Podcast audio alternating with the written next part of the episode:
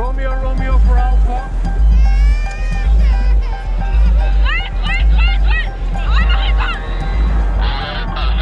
Uppdrag rädda liv.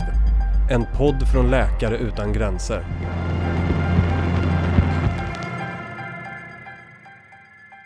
Hej och välkommen till vår podd där svenska fältarbetare berättar om det bästa och det värsta med att arbeta i våra medicinska projekt omkring i världen. Jag heter Björn Udd och jobbar på Läkare utan gränsers kontor i Stockholm. HIV är en sjukdom som nu för tiden sällan skapar stora rubriker i Sverige. Skräcken för sjukdomen har försvunnit tack vare effektiva HIV-läkemedel. Globalt sett är HIV ändå ett stort hälsoproblem. Varje dag smittas ungefär 5 000 människor med sjukdomen och 37 miljoner människor lever med HIV eller aids, de flesta i Afrika. Ändå är det bara ungefär hälften av de smittade som har tillgång till den livsviktiga behandlingen. En som har jobbat med HIV-patienter både hemma i Halmstad och ute i världen för Läkare utan gränser är infektionsläkaren Ann Åkesson. Hej och välkommen! Tack så mycket. Ann, när träffade du din första HIV-patient? Eh, 1985 här i Sverige träffade jag min första HIV-patient. Och hur mycket visste man om HIV då? Eh, ganska lite egentligen. Eh, man visste ju vid det laget att det var en virusinfektion och lite grann hur det smittade men eh, vi hade ju ingen, inte, en, inte eh, i Sverige heller någon bra behandling mot HIV förrän eh, mer än tio år senare. Um, nu har du precis kommit hem från vårt HIV-projekt i provinsen Homa Bay i Kenya. Hur vanligt förekommande är HIV där? Det är ju vanligt i det eh, området vi jobbade framför allt så var eh, de senaste siffrorna är sedan 2012 och då var 24,1 procent av den vuxna populationen HIV-smittade. Precis, så alltså var fjärde invånare i distriktet har HIV. Um, hur påverkar det här människorna och deras liv? Ja, det påverkar ju deras hälsa i högsta grad om de inte får tillgång till behandling. För HIV Eh, gör ju att immunförsvaret eh, förstörs så att man får eh, svåra infektioner. Men har man tillgång till behandling så kan man ju idag leva ett fullgott liv med HIV. Mm, Läkare utan gränser startade sitt arbete i Homa Bay för några år sedan eftersom det kom väldigt många så nya infektioner i området. Och nu finns vi där för att stötta den vanliga sjukvården men också för att förbättra HIV-vården. Hur gör vi det här? Ja, det gör vi genom att eh, det första är ju att folk ska ha tillgång till att testa sig. För man måste ju veta att, om man har HIV. Eh, och det är ju första steget. Eh, sen om man testar då positivt för HIV så ska man ju ha tillgång till behandling. Och behandlingen förhindrar ju också att man smittar vidare. Eh, för om man står på en välfungerande behandling eh, så går smittsamheten ner till nästan noll. Hur gör ni de här testerna? Hur hittar ni människor att testa? Ja, i, I det här projektet så är det ju, eh, såg man ju att det var en, en 2012 då man gjorde en eh, populationsstudie så såg man att det var eh, 2% av populationen som blev nysmittade med HIV eh, varje år, vilket var en väldigt hög siffra. Eh, och det, det man gjorde då det är att man gick ut dörr till dörr och erbjöd eh, populationen testning mot, eh, för HIV. Eh, och de som då testade positiva, de eh, fick man ju se till att de fick vård. Vid det laget så behandlar man inte alla med eh, HIV utan bara de som hade en viss eh, påverkan på sitt immunsystem. Eh, men numera så behandlar man alla med eh, HIV redan innan man blir sjuk av HIV. Hur är det när ni går, när ni gjorde de här masstesterna och gick från dörr till dörr, hur tog människor emot er? För jag kan tänka mig att, att själv skulle man reagera ganska konstigt om någon skulle komma och knacka på ens dörr och fråga om den får testa för, mot HIV. Nej men det var väldigt accepterat av, av, av eh, människorna. Eh, de uppskattade att man eh, kom hem och det var väldigt få som nekade att bli testade. För naturligtvis är det frivilligt men den stora, stora andelen var positiva och ville testa sig. Um, så ni gör alltså ett snabbtest hemma vid köksbordet när ni Precis. gör det här? Ja. Och sen får ni, om, om testet visar att patienten är HIV-positiv, hur tar en patient emot ett sådant här besked? Det är väldigt varierande. En del har kanske anat det eh, under lång tid och det blir mer som en bekräftelse. Eh, en del blir ju helt chockerade och har inte alls förväntat sig detta. Väldigt varierande kan man säga. Hur jobbar ni sen för att ge på något sätt stöd åt den här patienten? Ja, det som man har ju stöd, alltså man förklarar ju redan innan man gör testen. Eh, förklarar man ju vad, vad testet innebär och vad, ett, eh, vad det innebär om man är smittad eller inte smittad. För det är ju också eh, förebyggande prevention, för också information till de som in, ännu inte är smittade, hur man ska förbli eh, HIV-negativ. Eh, och sedan förklarar man ju vad Eh, att det, idag finns det behandling, vi kommer, du kommer kunna få behandling om du testar positiv. Och sen eh, nästa steg är ju att man kommer till sin lilla vårdhälsostation eller vårdcentral. Och där får man ju också stöd av, man kallar counselor som är kan man säga, eh, som våra kuratorer. som ger stöd att bearbeta det här beskedet.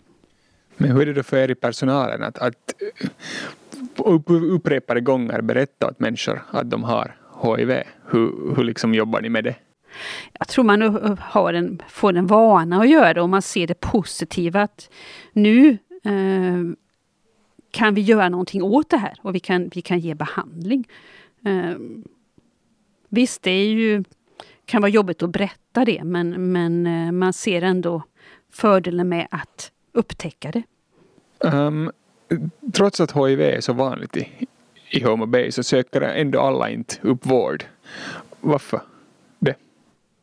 Jag tror man, många människor har ett förnekande att man inte eh, vill veta eller vågar veta. Eh, om man ska gå till sin vårdcentral kan man också vara rädd att någon annan eh, man känner ser att man kommer dit för testning. Eh, och man, eh, ja, man vill inte kännas vid. Hur är det om man då talar om den här behandlingen? Så jag menar HIV är ju en sjukdom som inte går att bota. Men vad gör behandlingen åt patienten? Vad liksom hjälper den med?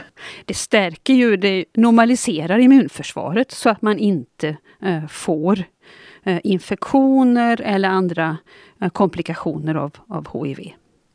Så att det är väldigt effektiv eh, behandling. Att man, det är som en, en kroniskt behandlingsbar sjukdom som många andra. Precis. Och som många andra kroniska behandlingsbara sjukdomar så är det också väldigt viktigt att man på något sätt fullföljer sin behandling. Absolut, och det är kanske, kanske speciellt viktigt med HIV, för där har man den här aspekten att om man slarvar med sin behandling så kan viruset utveckla resistens mot behandlingen. Så vad är det som stoppar de här patienterna, patienterna från att liksom vara följsamma och följa upp det här?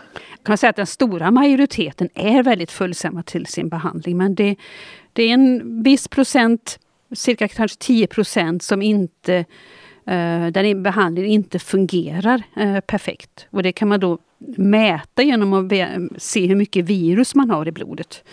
Eh, och det kan vara sådana saker att man inte har berättat det för sin familj. Man, vilket gör att man då måste gömma sina mediciner. Eh, man kanske jobbar någon annanstans. Eh, kan inte ta sina mediciner på sin arbetsplats. Eh, man har inte, inte tillräcklig information eller tagit åt sig informationen så att man förstår inte vikten. Man tänker att jag är ju frisk. Varför ska jag ta medicin för att jag inte ska bli sjuk? Och det tror jag är speciellt svårt i de här Eh, miljön där man inte alltid har tillgång till behandling när man är sjuk. Att förklara då att den här medicinen ska du ta för att du inte ska bli sjuk eh, i framtiden. En del kan eh, personer kan eh, tänka att nej men jag har kanske inte HIV eller jag är botad från HIV. Eh, det finns många så att säga, barriärer för att vara följsam till behandlingen. Du nämnde som en barriär det här stigma. Och det är ju liksom ännu 30 år efter att man upptäckte den här sjukdomen så är det ju ändå en väldigt stigmatiserad sjukdom. Då. Varför är det så svårt att få bort den här skulden och skammen som förknippas med en HIV-diagnos? Jag tror det har också att det har associerat med eh, sexualitet och att många eh, kan associera att man är lössläpphet eller att ha många sexuella partner. Eh, det kan vara också bland ehm, föräldrar, alltså mödrar, kanske en, en också en, en, skuld att man ehm, innan man vet om, visste om sin infektion eller hade tillgång till behandling, att man, man har smittat sina barn. Ehm, ja, det är några exempel. Men hurdan är då inställningen till smittorisken på ett sådant här område var en fjärdedel av befolkningen har den här sjukdomen? Tar människor liksom den, den här sjukdomen på allvar eller Eh, har den blivit en del av vardagen på något sätt? jag tycker man tar det på allvar, men, men visst, det är en, en, en man... Eh, det är svårt att vara oh, jag förklara det, eh, fullsam till eh, att använda eh, eh, säker sex. Eh, kvinnor har inte alltid kanske eh, så lätt att eh, kräva av eh, sina partner att eh, partnern ska använda kondom. Eh, det finns faktiskt också kvinnliga kondomer, men de är ganska eh, krångliga att använda och inte så populära. Eh, ja, det tror jag är några anledningar. Mm. Och Läkare utan gränser har ju nu alltså jobbat hårt i Homa Bay för att få ner det här antalet med nysmittade och öka tillgången till den behandlingen. Så har vi lyckats med det? Ja, det har vi. Vi har, vi har ju faktiskt det spännande nu är att vi har gjort en ny populationsstudie som eh, resultaten inte är färdiga ännu, men vi ser ju väldigt tydligt exempel bland gravida kvinnor att eh, andelen smittade gravida kvinnor går ner. Eh, vi har en, en, sett en drastisk sänkning av eh, andelen barn smittade. Nu i, i 2018, jag tittar på vår statistik, så var det bara 1 procent av eh, barnen som var smittade. Det är 1 procent för mycket, men det är eh, väldigt mycket mindre än bara 2012 då 10 procent av barnen eh, till HIV-positiva mammor blev smittade av HIV. Så att visst går det framåt, men det finns mycket kvar att göra. Om vi talar om de här barnen så har Läkare utan gränser där i Homa Bay särskilda aktiviteter för just barn som har HIV. Vad handlar det om? Jo, det är, eh, det är också det här att ha tillgång till behandling. Barnen går ju i skolan, eh, de större barnen, och därför har vi eh, anordnar vi speciella mottagningar för eh, HIV-smittade barn och ungdomar på helgerna. Så att de skulle kunna komma och att också eh, ordnade speciella aktiviteter eh, för barn och ungdomar med HIV. Och det var också ett värde för dem att träffa varandra, att se att jag är inte ensam utan det finns även andra eh, som bär på den här smittan. Så det var en väldigt positiv del av vår eh, verksamhet. Hur smittas de här barnen med HIV? De smittas ju eh, framförallt under förlossningen men även under graviditet eller amning. Och framförallt är det om mamman inte står på behandling. Alltså ger man en gravid kvinna behandling eh, tidigt under graviditeten eh, så kan man i stort sett eliminera risken att barnet blir smittat. Vad är det som gör det så speciellt svårt att behandla barn med hiv? För de små barnen så är det eh, medicinerna. Att det är de mediciner som finns för små barn flytande medicin som smakar väldigt, väldigt illa. Och det många kräks av det en del och det är eh, svårt att få i de små barnen den här medicinen. Och hur är det då liksom, för man måste ju säkert förklara för det här barnet att varför man vill ge den här medicinen som smakar illa. Mm. Hur förklarar man för ett barn att det har HIV?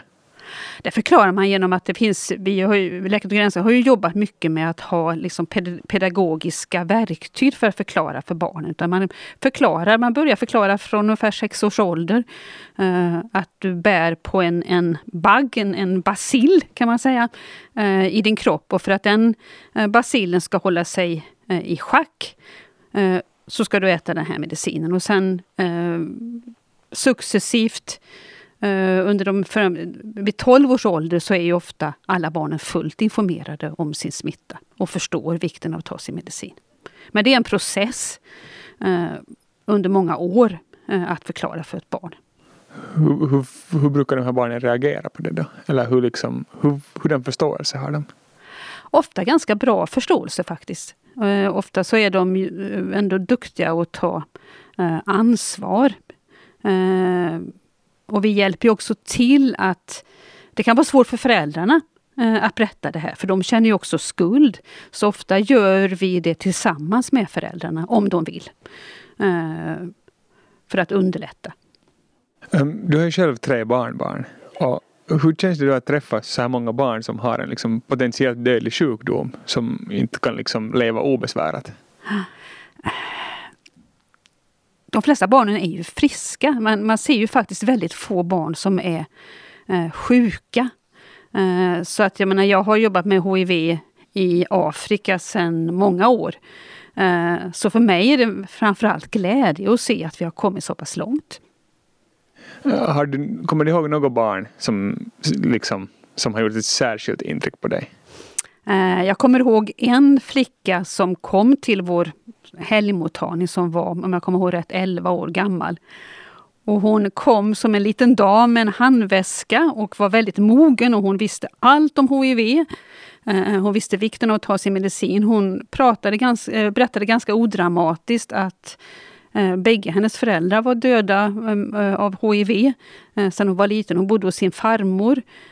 Hennes syster hade också dött av HIV och hon, hon, sa att men min syster dog för hon slarvade med sina mediciner men jag sköter min medicinering för jag vill leva och jag förstår att det här är viktigt. Jag tycker man är imponerad av hur mogna många barn eh, tvingas bli tidigt i livet. Men hur känns det då att ta emot en sån här patient som kommer med, med de här förutsättningarna till kliniken? Ja, man kan bli lite ledsen och tänka att hon eh, lite grann eh, inte får lov att vara barn eh, länge nog, utan att man får ta tidigt ansvar. Men samtidigt blir man så imponerad av styrkan i de här barnen. Um, ja, du har ju, alltså som du sa, jobbat i jättemånga olika afrikanska länder med just HIV-projekt. Mm. Uh, för Läkare utan gränser under de senaste åren. Du har varit i Zimbabwe, Malawi och Swaziland. Um, du har också jobbat i Kenya tidigare och du var där för en annan organisation 2003. Hur var AIDS, HIV och AIDS-situationen i, i landet då? Det var en katastrof, det var fruktansvärt och det var så deprimerande för då hade man alltså ingenting. Jag jobbade som kan man säga jeepläkare ute på landsbygden, inte så långt ifrån där jag jobbade nu. Och såg så många svårt sjuka HIV-patienter. Och eh, alltså den eh, maktlöshet man kände, det var fruktansvärt. Eh, man kunde ge medicin för, att, för deras infektioner men det var mer att förlänga livet några veckor, några, några månader. Eh, men det fanns ingen effektiv behandling. Så saker har utvecklats väldigt mycket nu? Fantastiskt! Eh, och det har varit väldigt spännande att få vara med om den utvecklingen. För även då jag kom till eh, Zimbabwe 2005 i ett ganska nystartat HIV-projekt för Läkare utan gränser så var ju människor väldigt sjuka eh, då de kom. Vi kunde rädda väldigt mycket människors liv men vi såg också patienter eh, som kom för sent. De kunde gå bort samma dag på sjukhuset.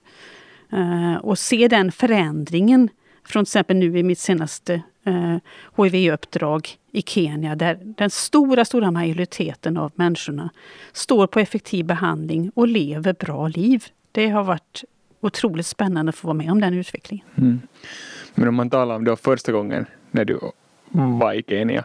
Så hur kändes det då att åka dit som läkare utan att egentligen kunna göra någonting, utan att det finns läkemedel, utan att det finns ordentliga förutsättningar?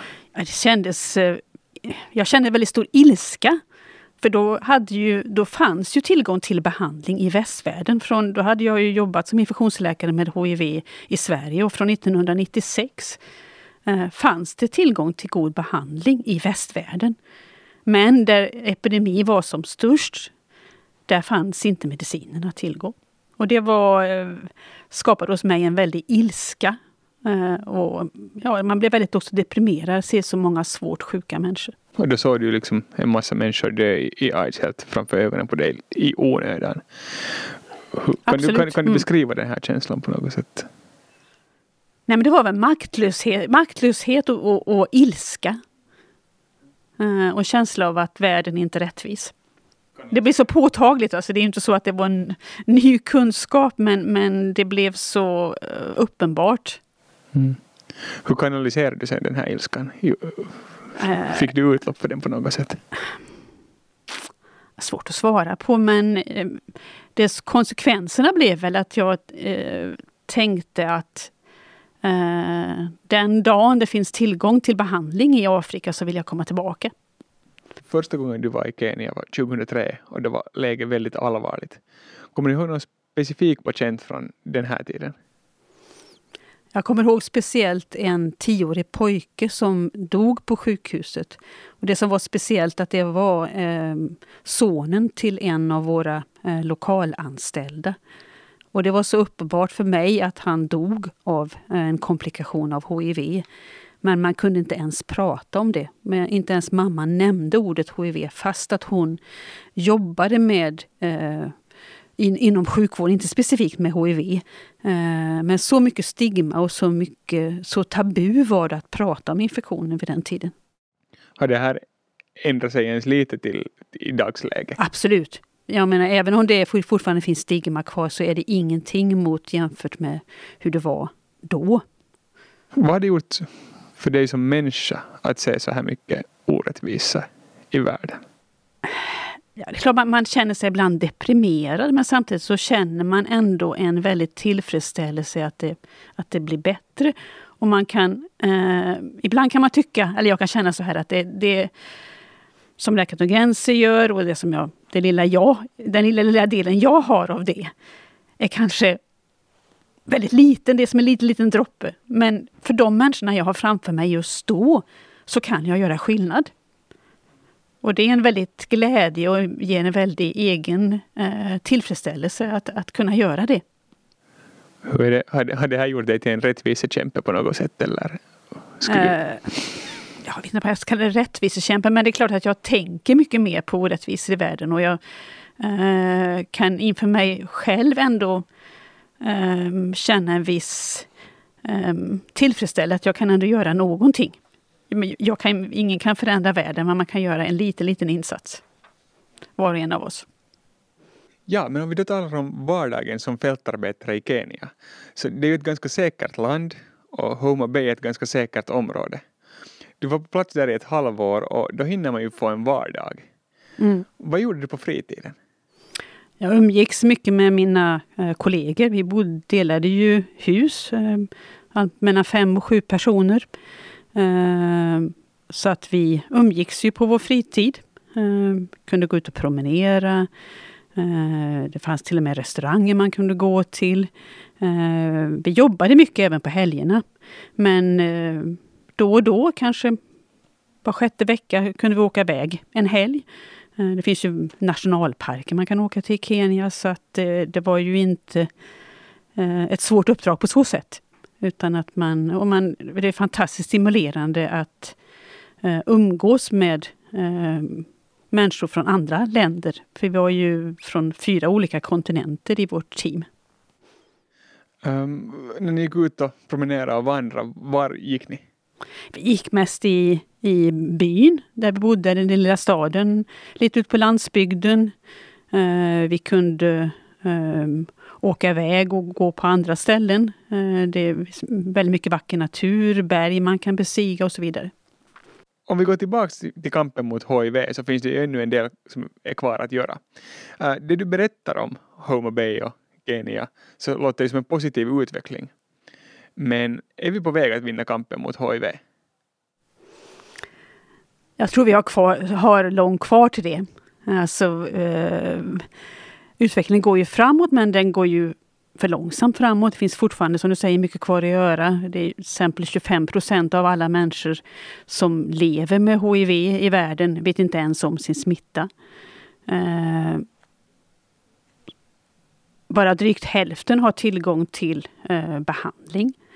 Eh, och sen är det ju också otroligt viktigt att eh, behandlingen är framgångsrik och att man eh, ger tillräckligt stöd för att människor förstår vikten av att ta sin behandling på ett bra sätt så att vi inte problem, får problem med resistens mot viruset, för då fungerar ju inte behandlingen. Sen finns det en andrahandsbehandling så att säga, men det finns ju inte tillgång till den mängden olika alternativ som vi har i västvärlden. Om du skulle få liksom, genom ett trollslag ändra på en sak som har med den här kampen mot HIV att göra, vad skulle det vara? Ja, det var ju för att ha ett bot. ett permanent bot. Såklart. Hej, tack för att du kom hit. Eller ett vaccin. Eller både och, helst. Precis. Hej, tack för att du kom hit, Ann Åkesson, och berättade om din livslånga kamp mot HIV. Tack! Om du gillar vår podd, betygsätt den gärna i Apple Podcast. Det hjälper andra intresserade lyssnare att hitta podden. Vi vill gärna veta vad du tyckte om vårt samtal, så om du har frågor eller funderingar kan du höra av dig till oss. Du hittar oss som Läkare utan gränser Sverige på Facebook, Instagram och Twitter.